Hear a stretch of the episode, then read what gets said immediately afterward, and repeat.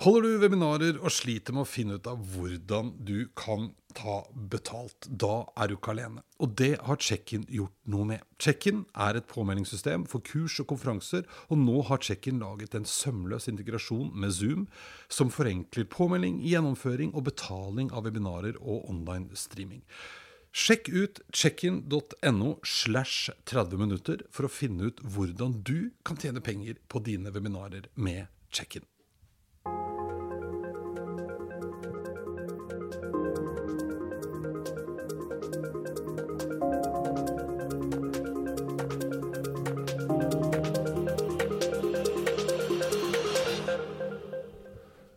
Dag har jeg gleden av å ønske Britt Otterdal Myrseth tilbake igjen til meg. Britt hun er partner i Deloitte og litt over middels opptatt av digitalisering og hva det betyr for oss.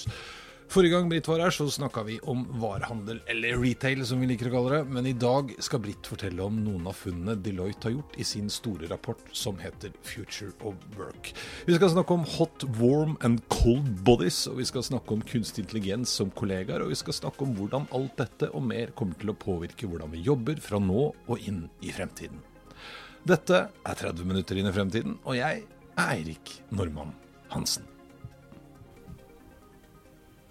Hei, Britt. Hei, Erik. Velkommen tilbake. Tusen takk. Du vet hva, du er eh, Det sa jeg tror jeg sa, men jeg kom på det at du er faktisk eh, første gjest som er eh, kommet tilbake. Gang For en ære. Ja, ikke sant? Ja. Det, det syns jeg. Nei. Ja. Og i, det var i fjor, under Arendalsuka. Mm. Da var vi jo i det blide Sørland og sommer og sol, og det var fint. Det føles som en evighet siden. Det gjør det. Hel, ja, Ja. Det er jo sånn før og etter. det er det. Savner du det? Selvfølgelig. Ja. Altså, jeg syns det var kjempestort å slippe litt ut av eh, hjemmekontoret nå i dag. Og komme hit til Damstredet og lufte meg litt, ikke sant. ja, ja. Så eh, ja, det er før og etter, altså. Det er det. det er det Men jeg, jeg, tenkte på, jeg tenkte på en litt gøy Apropos, for det var jo under Arendalsuka. Vi var der. Yes. Jeg snakket med IKT Norge her om dagen. De hadde jo i år Arendalsuka digitalt. Ja. Og de pleier jo vanligvis å leie ett sted, og der er det plass til sånn 150 stykker på en god dag. Mm. Eh, eller noe sånt. Eh, de hadde et, nå, Med fare for at jeg husker feil, men det var flere tusen. Jeg mener de sa 6000, men det var flere tusen som fulgte sendingene deres. De har aldri hatt så stor oppslutning. Det er jo noe med det. Ja, vi Man når ut- trenger ja. ny inspirasjon, Ja, selv om vi ikke kan dra dit. Ja, ja, ja, men jo, jeg tenker jo at man når ut til flere. Men det er ikke det vi skal snakke om. Eh, grunnen til I fjor snakka vi om retail og bruker- og et av mine kundeopplevelser. favorittemaer, det- desidert, Ja, du har jo varslet meg om at det kommer til å bli sneket inn litt retail. Det kan hende at det kommer ja, det noen er eksempler. Altså, det kan det. Men det vi skal snakke om i dag, er at dere i Deloitte har jo laget en stor, omfattende rapport som heter Future Work. Mm. Yes. Veldig spennende. Det er den vi skal snakke om. Det er det. Fortell litt om hva dere har gjort og funnet. Future work, altså, det er jo et tema som er høyt eh, debattert nå. eh, også fordi at vi sitter på hjemmekontor. Men funnet i årets rapport kan jo egentlig gruppere seg i tre hovedtema, kan vi si. Det er purpose, det er potensial, og det er perspektiv. Eh, og derfor er jo på en måte en leders balansekunst knytta opp til disse da, purpose, people og profit, som vi kaller det. Fordi at du må jo på en måte balansere de tre. Du klarer deg ikke uten eh, en av de. Eh, og purpose, eh, sånn som vi har definert i rapporten her, den handler jo egentlig om viktigheten av at, og for at man bidrar. Eh, viktigheten av å ta vare på seg selv. Eh, det er jo veldig relevant i disse hjemmekontortidene. Eh, og en av de punktene som vi skal snakke litt mer om også. Eh, og så er det liksom dette her med postgenerasjonens arbeidsstyrke. Eh, og, og hvorvidt det kanskje faktisk rett og slett er litt gammeldags å snakke om generasjoner. For det elsker vi jo å snakke om. ikke sant? Millennials, eh, generasjon Z etc. Er det nå kanskje litt utdatert? Er en av de temaene som vi, heier vi på ser det. på da. Fordi at Som regel så er jo sånne som Jeg blir nå 50. Om, eh, det er faktisk bare et par uker til. Mm. Kjære, vakre vene. Mm. Ikke sant? Jo, men det er alltid vi som kommer litt dårlig ut, føler jeg, når vi snakker om generasjoner. For det er enten den gamle er generasjonen 50, ja, ja. eller, eller liksom de yngre. Ja, Ja. Det er, det er. Så det er jeg for. Ja, det skal vi snakke om. Og så er det dette her med potensialtemaet. Det går jo liksom på hele bruken av kunstig intelligens. Hvordan du forvalter kunnskapen din, og hvordan du på en måte skal bygge riktig kompetanse. da. For det er jo ikke så godt å vite hva er egentlig det i, i disse usikre tidene. Og så det siste temaet går jo på perspektiv, da. Og da kommer du inn på kompensasjonsmodeller, strategier for arbeidsstyrken din. Og da snakker vi om dette her med liksom det som vi kaller da hot, warm and cold bodies. Eh, og det kan jo gi noen assosiasjoner. Eh, og ikke minst dette her med etikk, da. Ja. Eh, og så tenker jeg at eh, vi snakker jo i tillegg om en sånn treenighet eh, i forhold til work, altså selve jobben. Workforce, arbeidsstyrken. Og workplace, altså hvor du jobber hen, da. Eh, og så tenker jeg at dette her med akkurat hvor vi skal jobbe hen fysisk, det har det vært snakka ganske masse om i ulike medier, også på denne poden her. Så jeg tenkte at det, det løser vi. Ja. Det kommer vi til å løse. Det så det skal vi ikke ja. snakke om i dag.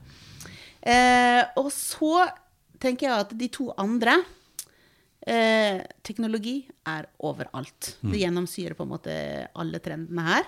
Eh, og for en teknologioptimist som deg, da, Erik, så må jo det være godt nytt. Ja, det, ja, ja, det er helt fantastisk. Ja, jo, men jeg tror jo det. Jeg mener jo virkelig, og jeg veit at jeg ikke er den eneste som mener det, men jeg, jeg registrerer jo også at en del av motstanden Mm.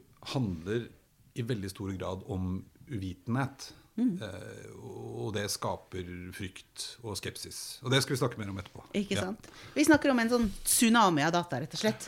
Men så er det jo hva skal du bruke den til, da? Mm. Eh, og her kommer jo dette med kunstig intelligens og dette cognitive computingen som skal hjelpe oss med å ta beslutninger. Ja. Og så ikke minst 77 millioner mennesker er jo nå en del av det vi kaller gig-økonomien.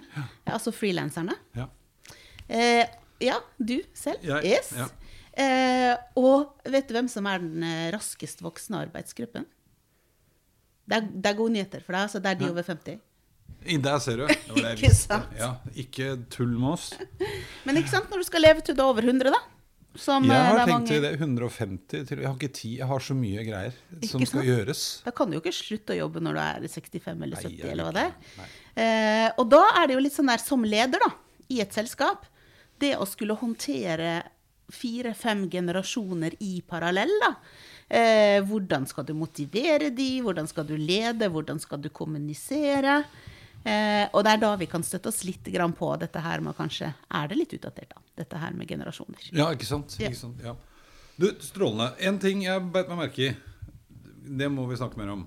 Hva sa du? Hot, warm og cold bodies? Det er det CSI? eh, Det er litt, Oslo? litt sånn Er det konsulentspråk? Jeg vet ikke. Men jeg tenker Ja, jeg vi fikk sånn krimserie Sånn oi. Ja, Ja. ikke sant? Eh, jeg tror nesten vi kunne hatt en egen podkast om bare det, da. Men jeg tenker at dette er et utrolig viktig tema. Eh, fordi at mange baler jo med Altså, eh, hvem er det jeg skal ansette? Hvem er det jeg skal ha som ansatt? Eh, vil den yngre generasjonen i hele tatt være fast ansatt? Eller er det liksom fleksibiliteten som ruller i forhold til gigøkonomien? da? Em, hva, hva slags samarbeidsavtaler skal du ha? Kompetanse? Eh, og bare for å definere det litt eh, først, da. Hotbodies, det er de som du har som fast ansatt i bedriften din. Eh, så har vi det som vi kaller warm bodies. Det er sånn som deg. Det er frilanserne. Det er sikkert sånne som meg, konsulentene. Eh, det fins jo nærmere 80 millioner, som vi var inne på. Eh, og det er da ekspertene som du leier inn for en konkret oppgave over en begrensa periode. Eh, og så er det dette med cold bodies, og det har ingenting med CSI eller noe som helst å gjøre. Det er faktisk eh, f.eks. kunstig intelligens. Hologrammene, robotene som du har i arbeidsstokken din for å utføre konkrete eh, oppgaver. Så det er maskinene. Maskinene, ja. maskinene. Ah, Det er gøy. Ikke Ja. sant? Eh, og hvordan miksen skal være blant disse tre gruppene, da, det vil jo variere fra selskap til selskap. Eh, I forhold til hva man driver med, da. Eh, men disse gruppene de krever jo forskjellig ledelse, forskjellige intensivmodeller, eh, og blir motivert av forskjellige ting. Disse cold bodies de, de blir ikke sykmeldt, de har ikke røykepause. Det er noe helt annet. Men man må være bevisst på hva man skal Det, bruke det det til, da. vært veldig gøy om man lagde en robot som måtte ha røykepause. Ja. De Det fins ikke ennå, tror jeg. Nei, for de blir jo, vil jeg tro, ikke sjuke av røyke heller. Nei. Nå skal ikke vi fremme røyking, vi er Det ferdig med det, men Det vi eh, det bare slo meg at det hadde vært litt gøy. Ja. Helt klart. En annen trend som jeg hadde litt lyst til å trekke fram, det var egentlig å dobbeltklikke litt grann på disse her cold bodies. da. Eh, og det at um, kunstig intelligens egentlig er en del av teamet vårt nå. Eh, en del av superteamet. Eh, og vi har jo vært litt i en tidsmaskin eh, nå etter mars. Eh, og jeg tror du snakker om eh, at vi har blitt sjokkdigitalisert, rett og slett. ja, ja, ja. Eh, så vi har tatt noen, noen steg som, som vi kanskje trodde at vi skulle bruke litt lengre tid på, da. Mm.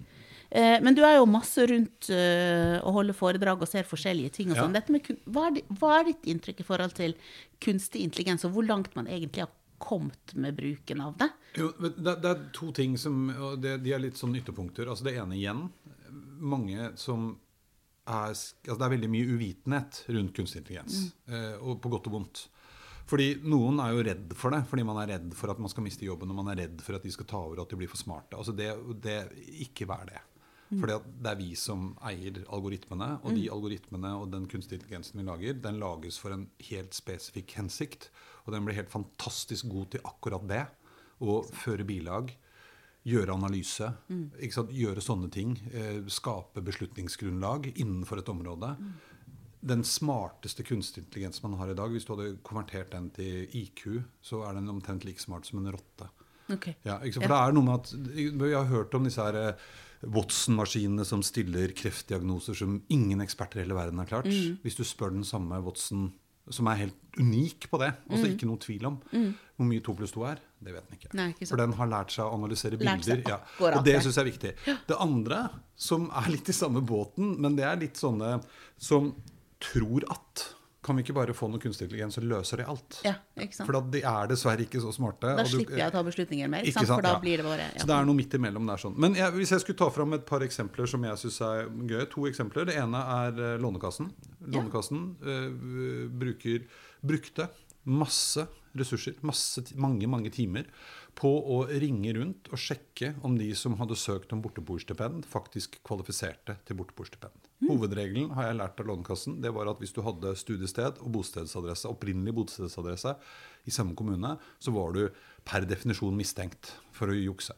Ja. Da ringte de, og så må du bevise ofte. De rakk jo ikke å ringe alle. De brukte mye tid på det. Mm. De har laget en AI, en kunstig intelligens-ting, som gjør nå den analysen. Kommer ut med et forslag med folk. Disse burde dere ringe og følge opp. Ja. Og de tar akkurat like mange som det de gjorde før, og bruker en brøkdel av tiden på det. Og det er ingen som, synes- de hadde ikke egne ansatte. Dette var noe som alle måtte bidra på. Mye lurere. Eh, og det kommer til å forebygge òg. For at nå begynner jo også lignende Jo, lignende skattemyndighetene har jo også AI. Jeg med, jeg hadde en episode med Lars Rinnan Ja. eh, fra, fra Nextbridge. De har, sant, han sa det at ikke, ikke prøv å lure skatten nå. For De- nå ja. er det AI inne i bildet. Ja, og da, den klarer det. Ja. Og det, det fine er at den effektiviserer og standardiserer noe. Den er da også med på å forebygge et problem. Snytt på skatten eller urettmessig utbetaling av borteboerstipend. Den andre jeg synes var veldig gøy, det er et selskap som heter Semine, som lager altså det er et regnskaps... eh, Eller de, ja, de driver med regnskap for mellomstore bedrifter. De har laget en AI som håndterer alle inngående fakturaer. Ja. Og sant, Det er supereffektivt, det tar bort feil, det posteres riktig. eh, Det er mye mye smartere. Og dette er for bedrifter som altså Før har regnskapsmedarbeiderne, eller medarbeideren, som ofte er sjefen, og medarbeider, medarbeider, sittet og punsja og holdt på til langt på natt. Nå fikser datamaskinen det. Så dette handler om å bli smartere, flinkere, bedre, riktigere. Sånne type eksempler syns jeg er fantastisk Og da bra. Er kunstig intelligens genialt. Ja. Og det som vi ser, liksom, det du beskriver nå, er jo på en måte at det, den får en veldig konkret oppgave, Mm. og, og gjør den knallbra. Eh, og det som på en måte er det neste nå, da, det er at det er på en måte en fullverdig teammedlem. Ikke sant? Eh, vi snakker liksom disse her superteamene, som er da en gruppe mennesker og intelligente maskiner som bare jobber side om side for å løse et problem, få innsikt, eh, skape verdi. Eh, ikke sant? Og, og det vi ser litt grann, eh, på de oppgavene som bedriftene nå gir til på en måte AI, da, så er det fortsatt 60% som, som går til å assistere oss. Ja. Litt sånn som de oppgavene som Ja. du beskrev nå. Eh, så er det 24 eh, som ikke bruker AI i det hele tatt, fortsatt. Eh, det er 12 eh, som har brukt det til å erstatte mennesker, som på en måte er den store. Det er bare 12 Um, og så er det 4% som bruker det til egentlig å um, hva skal du si, overvåke eller følge med på eh, arbeiderne. Ikke sant? Men den største delen her er jo rett og slett å assistere oss mennesker, da. Eh, og så ser vi jo også det at 70% av de som eh, har svart på undersøkelsen vår, eh, sier jo liksom ja, vi er i gang med AI, og ja, vi u utforsker og finner ut hvordan vi skal bruke det, osv. Eh, men det er bare 17% som faktisk har eh, brukt noe penger, da.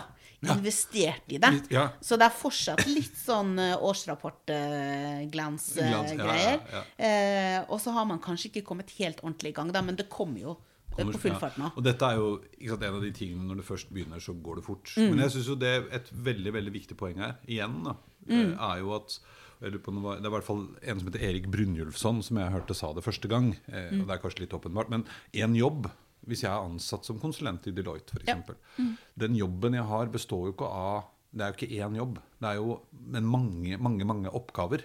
Og noen av de oppgavene er det åpenbart at maskinen er bedre til å gjøre for meg. Andre, og det kan være kjedelige ting som å føre timer og sørge for sant, utlegg og alle sånne administrativt tjafs. Men det andre er den assistentdelen. Der hvor vi kan lage AI som kan hjelpe meg med å gjøre bedre analyser. Ja. Analysere, lese mye mer enn jeg klarer, og trekke ut det viktigste som jeg kan bruke fordi at jeg skal løse et problem for en kunde. Jeg er helt enig. Eh, og så tenker jeg at man er litt i ferd med måte å ufarliggjøre det. da, Fordi at det, det blir så naturlig del av både telefon og programmene og alt det vi på en måte holder på med. da. Men, men vi ser jo liksom at det fortsatt er et veldig stort spenn mellom hvilke bransjer som har kommet langs, eh, lengst eh, og ikke. da. Eh, og et tilfeldig valgt bransje, retail f.eks. Der kom Der det! kom. Der kom det! Yes. Ja. Eh, det, det er jo en bransje som har, har brukt kunstig intelligens eh, i supply chain siden mange mange år. Ja. Altså med presisjon. Hva er det som kommer til å bli solgt? Og ikke bare liksom se på hva som historisk er gjort, men liksom å predikere hva kommer til å skje fremover. Og bare kjøper inn liksom på vegne av et sett med leverandører, uten at det er noe menneskelig kontakt eh, involvert. Det er helt fantastisk hvor presist det er, og hvor mye man treffer, altså. Og da, ja, for da snakker man jo om, om, om prediksjon. Ja. Ikke sant? Og, Ja. Men da, det altså, hvis man liksom Ja. Mm. hever blikket litt da, så handler jo ikke dette bare om å optimalisere og, og lage mindre waste, og egentlig være med på å øke inntjeningen til den bedriften. Ja. Men det er jo en, en, en, en, en bærekraftsmodell her som er Helt helt klart. fantastisk. Og, Helt og tenk deg hvor mye skit som blir kasta. Alt det som ikke blir solgt Mm. nå på fredag. Eh, eller på salg. Eh, eller, eller. Ikke sant? Ja. Fordi vi har produsert for mye. Ja. Og det skal man ikke glemme. Det man er ikke. ikke for at jeg skal miste jobben. Det er for å gjøre ting smartere, bedre. Og kanskje også evne å skalere mer enn det man klarte tidligere. Og man ser jo liksom bare et av de selskapene som jeg har analysert i forhold til kunstig intelligens i innkjøpsleddet, hadde jo to, over to millioner færre returer. Mm. Og det er jo nettopp det du snakker om i forhold til waste, ikke sant? Tenk deg, hva det betyr bare i transport. Liksom. Um, Ja. To millioner eh, Det er mye CO2. Det Bare, mye. bare det, liksom. Ja. Så, så man må ikke bare regne på den oppgaven, man må faktisk regne på hele, hele- verdikjeden. hele verdikjeden, Eh, På hva man faktisk får ut av det. Da. Men det er utrolig fascinerende, den presisjonen som man har da. Ja, ja. Det er gøy. Ja, absolutt. Generasjoner. For det, Du snakka om det nå, og teknologi er jo fint. Ja. Det, de, de skal ikke ha røykepause, skal ikke røykepause, de skal, men det er på en måte verktøy. Det er muliggjørere for oss. Ja. Men generasjoner, det skulle vi jo ikke snakke om, sa rapporten. Nei. Ja, egentlig så er det litt ja. utdatert, men så er det jo ikke helt sant, da. Nei. Eh, For der skjer det noe like gøy. Jeg vet at du har en ny favorittgenerasjon. Ja. Ja. Alfagenerasjonen, ja. Alfa Jeg, jeg har litt forventninger til den generasjonen, at de skal være litt mer bøllete. Ja, det ligger jo i navnet Ja, det gjør jo det. Da. ja. Ja, det gjør det. Eh, Så, så jeg gleder meg egentlig. Det, det er de som er født da, fra to, 2010 og utover. Så de er jo liksom ti år nå, da. Mm. Eh, men jeg gleder meg til at de skal ut både og søke jobb og handle og andre ting. For at, men vi kan komme litt tilbake igjen til det, Mm. Ja, da. ja. Men, men en av de tingene som eh, som vi ser i denne rapporten, da, det er den trenden som heter liksom fra millennials to perennials. Som, som egentlig er litt sånn Hvilken generasjon du tilhører ut fra når du er født, Ja. blir kanskje mindre og mindre viktig, da.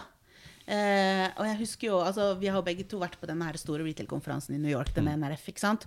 Eh, og det året hvor man snakket om eh, digital natives og digital immigrants, eh, og du kunne få lov til å plassere deg i, i den native-gruppen, selv om du liksom aldersmessig tilhørte den andre, liksom. Det er et, en helt ny måte å se på ting på. For det har liksom med hvor nysgjerrig er du på ny teknologi, hva tester du ut, hvor komfortabel er du med det. Eh, så det er jo liksom de, de begrepene, da. Eh, men jeg syns jo denne her trenden er litt sånn ekstra spennende, da. For jeg har brukt litt tid da på å skjønne både millennials og generasjon Z og hele den biten. Og så er det kanskje ikke noe vits i lenger. Eh, litt waste of time. Eh, men det er, jo ikke, det er jo egentlig ikke det, da. Eh, fordi ehm, vi snakker om denne her postgenerasjonen eh, som en arbeidsstyrke, og, og det at du plutselig skal lede fire-fem generasjoner. Eh, og hvordan skal du på en måte da lage lederprogram og interne skoler og kursprogrammer med et sånt spenn, da? Eh, og det er bare 6% som sier at lederne egentlig er utstyrt med kompetanse til å lede et sånt multigenerasjons eh, på en, eh, på en effektiv måte. Da. Det betyr jo at noen faller mellom noen stoler her, da. Ja. Og at man på en måte ikke når eh, ut. Men har, har det blitt Det slo meg akkurat når du snakket om det nå. Har det blitt tettere mellom disse generasjonene? Altså er det, er, Går det kortere tid før vi nå definerer en ny generasjon? For det, det, det, er det henger jo Det tenker jeg hadde hengt litt på greip i forhold til hvor fort teknologi utvikler seg. Da. Fordi den, når vi begynte å snakke om Uh, den første gjengen Ja. uh, Det var ikke millennials, det var de før det. Ja. Ikke sant? Og det var de som var født uh, Som aldri hadde opplevd å ikke ha fjernkontroll til TV. Husker jeg var en som sa en gang. Veldig Mm, Ja. fin sånn skille. Og de var liksom de veldig sånn digitalt flinke da. Da. Og da var det bare de to. Og Mm. så kom det et par til. Men nå kommer det liksom nye generasjoner hele tida. Ja. Altså, jeg tror, jeg tror sånn, I definisjonen så har man holdt seg til sånne der, sånn type tiårs eh, sykluser mellom Ja. å definere en ny Ja. generasjon. Men jeg er jo helt enig i at egentlig så burde man jo på en måte både hatt kortere tid innimellom, og så tror jeg også at det er mye mer flytende eh, overgang mellom de ulike. At du kan ikke si at akkurat hvis du er født i 1990, så er du sånn og Nei, sånn. og så er det vel litt som du sa først òg, at nå, kan du, altså nå havner du ikke nødvendigvis i en kategori fordi du var født når du var født, men Ja. fordi du er som du er. Ikke sant? Ja, ja. Så det er den nysgjerrighetsbiten, da. Ja. Men ikke sant, hvis vi starter litt med altså, igjen, handel, har jo brukt veldig mye tid på å, å, å undersøke og forstå millennials og generasjon Z. For det er de som skal definere hvilken retning på en måte samfunnet og varehandelen og alt tar. Um, det er bare 36% av den voksne befolkningen nå. Eh, og det kommer noen etter. Uh, og de som da er eldre enn det, um, de sitter jo nå Altså, vi, vi hørte vel på vårparten nå, så var det en økning på 300% på netthandelen på de over 70. Ja, ikke sant? Ja, Så de lærer seg det jo, de òg. Ja, for dette, dette er jo sånn opinionen som jeg pleier å referere til. Ja. De har jo kartlagt det, og de ser jo det nå pga. denne sjokkdigitaliseringen, da, Ja. som jeg pleier å kalle det. Så, så har jo folk nå tatt i bruk ting som de kanskje ikke hadde gjort. For det var ikke nødvendig. De Nei. gadd ikke. Nå må de. Og så Oi, det var smart. Fortsett med det, gitt. Og det var egentlig ganske behagelig òg. Ja, når du fikk de der varene hjem, eller du slapp å gå ut av bilen når du skulle plukke opp den nye TV-en din, for den ble bare lasta inn i bilen når du kjørte rundt, Ja, og liksom. mye mindre ting. Jeg så I går når jeg kom hjem, så lå det pakke på, på trappa. Og da hadde man jammen i meg eh, hjemme hos meg handlet på apoteket. Ja. Da lå det en liten boks fra apoteket med ting. Da tenker jeg også sånn der, Nå må vi Jeg går an å gå ut. Men eh, nei, Ja, men det er jo kult. Ja. Og så skal vi jo ikke reise, da. Så én ting er jo at jeg føler at hele Norge pusser opp. Mm. Eh, men eh, det er utrolig hvor, hvor ofte vi faktisk klarer å pusse opp. Men, men jeg har litt inntrykk av at eh, vi skal bruke pengene på noe, da. Ja. Eh, og jeg digget jo egentlig den reklamen var på Grünerløkka nå. Det ble hengt opp masse plakater Ja. om å handle lokalt. Altså, det, vi får ta med oss det gode med, med korona, tenker jeg. Litt sånn wake-up call, da. Eh, støtt lokalt. Jeg syns jeg digga det Ja. stuntet. Jeg syns det var et kult marketing. Men du, marketingstunt. Ja. veldig kort om uh, alfagjengen. Alfagenerasjonen, ja. Ja. Eh, den eh, Det er jo litt morsomt, da, fordi Um, generasjon Z har jo også blitt kalt litt sånn snøfnugenerasjonen. Ja. Skal ikke bli krenket. Um, og, og, og så kommer jo disse her eh, alfaene.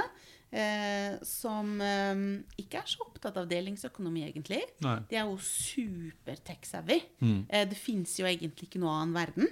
Eh, og, men, men altså spiser jo carbs som, som bare det, for Ja. må ha liksom energinivået oppe da.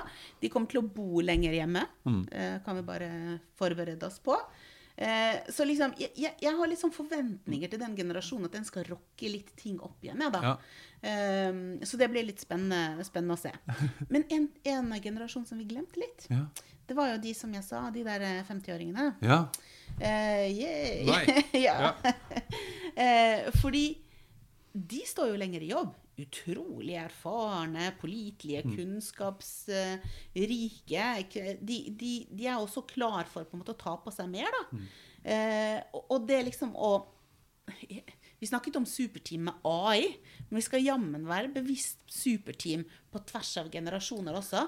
Fordi at du får ut noe nytt. Altså, vi snakker om diversity of thought. Eh, men ja, det får du både med å plukke maskiner og generasjoner og Og, ja, ikke sånn mangfold sammen. mangfold sammen. ja, Ja, ja, for vi, vi hadde jo en gøyal samling, eh, Yes. hvis jeg får lov å rippe opp i det. Vær så ja, god. Med, med partnerskapet i Deloitte. Ja. Eh, og en av de tingene som Deloitte er veldig opptatt av, er jo mangfold. Og det har man høyt på agendaen. Mm. Yep. Eh, og så gjorde jeg en liten sånn AI-analyse av hele bøtteballetten. Mm. Eh, som er, ikke sant, Der er det kjønn, kjønnsbalanse, og folk av forskjellig bakgrunn, og er fra forskjellige steder. Og, Tror vi.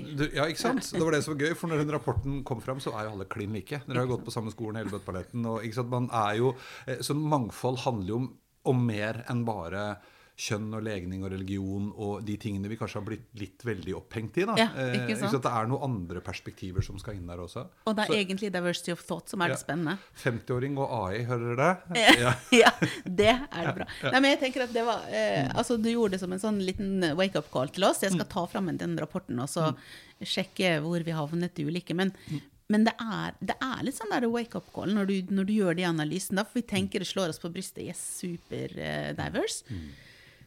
Og er vi egentlig det? Ja, ikke sant? Altså, en, en ting som slo meg forrige gang jeg, når jeg startet et byrå, var at da bestemte jeg meg for at nå sk jeg skulle være eldst. Og det var ikke fordi at jeg skulle være eldst, men det var fordi at jeg hadde lyst til å satse på unge folk. Eh, og jeg tror jo at en av de tingene som mange av oss som er litt voksne, da, må klare å distansere oss fra. Det er den der litt gamle måten om at hvis du er eldst, så er du eldst, og da er du smartest og flinkest, og det er du som bestemmer. Jeg tror den viktigste jobben vi har nå, det er å bruke vår erfaring til å hjelpe de unge som er mye lurere og tenker annerledes og vet mer om ting enn det vi vet. Eh, og støtte de eh, og få de frem. Ja. Det er de som er gode.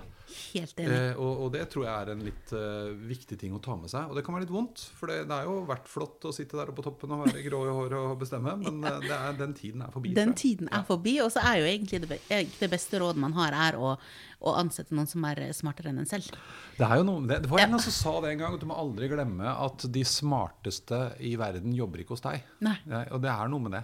Ikke sant? ja, men vi prøver. Men du, det, siste tingen jeg hadde lyst til at vi skulle snakke om. Ja. For nå har vi vært igjennom, og det er forskjellige generasjoner, og ting skjer, og teknologi og Mm. Hvordan skal vi liksom lede opp i alt dette her, da? Million dollar question, på en måte.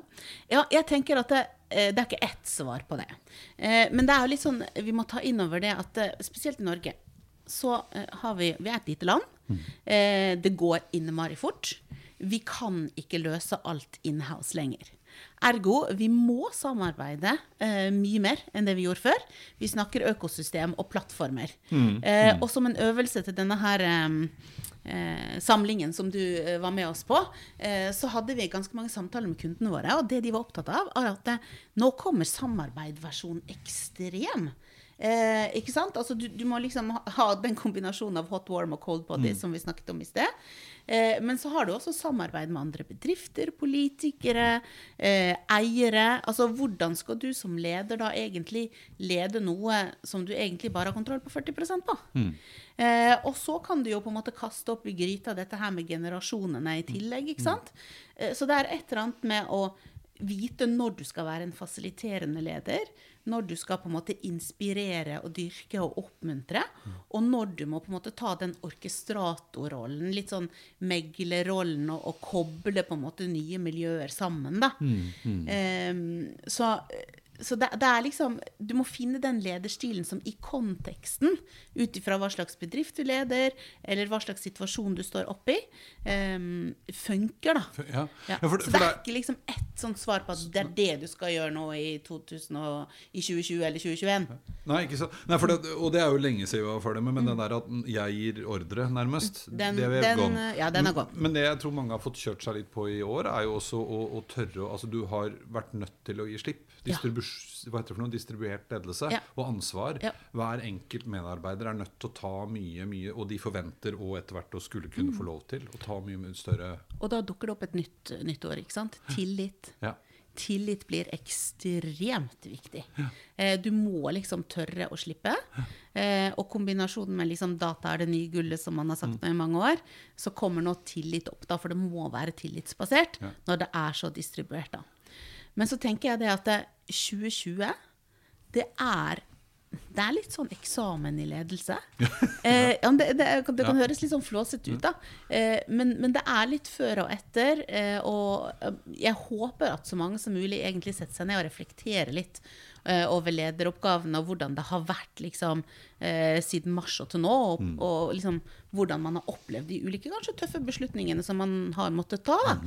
Eh, fordi det er litt nå legacyen vår som leder, og hvordan vi har håndtert en sånn ekstrem situasjon, faktisk eh, kommer frem. Kommer frem. Ja, ja, ja. ja vi får, jeg skulle til å si at uh, det, det, det er, jeg håper at så mange som mulig står på Ja. eksamen. Ja, det gjør jeg òg. Ja. Men det er vel noe med det og at man får liksom prøvd seg litt nå. Uh, og, og litt tilbake sånn, i, i forhold til den tillitsbiten. For dette handler jo ikke bare om at jeg som leder må gi mine ansatte tillit. Det er jo veldig toveis. Ja. Fordi ja, du får lov til å nå i mye mye større grad styre deg selv. Mm. Eh, men den tilliten er jo andre veien også. Ikke sant? Veldig spennende. Du, nå er jo en halvtime fyker jo av gårde. Ja. Men jeg, og jeg prøver å komme på hva du sa sist. Men jeg avslutter jo alltid eh, episodene mine med å spørre gjesten hva, hva tror Britt om 2030? Hvordan ser verden ut i 2030? Jeg husker ikke hva du sa sist, men nå kan vi snakke om ledelse. Tror, bare, det er, her kan man si hva man vil. Ja, ikke Ja. sant? Nei, nå har jo vi vært gjennom denne øvelsen med å se liksom hvordan blir Norge i 2035? Hvordan Ja. ser konsulentbransjen ut i 2030, eh, 2035? Og det er jo faktisk lenger enn 20, 2030. Ja, ja, ja. Ikke sant? Så i, det er nesten umulig å si Mm. eh, hvordan verden ser ut da. Det lærte vi jo at ting kan endre seg utrolig fort. Eh, men jeg tror nok at dette her med å være åpen for uh, nye ting, Uh, liksom omfavne teknologien, være nysgjerrig og gi tillit til de som du jobber med, om det er en warm eller hot eller cold body, Ja. uh, så skal nok de sameksistere. Og så må du være komfortabel med det, tenker jeg. Ja. Høres veldig bra ut. Men da håper jeg at du kommer tilbake gang nummer tre. Du har nå faktisk jeg finner fram den gamle forrige episode, hva du mente om 2030 da. Ja, Så det vi skal jeg gå og høre på. Ja. Eh, om det ble sånn Ja. 2030. Ja, jeg gleder meg. Det er veldig bra. Takk Tusen takk.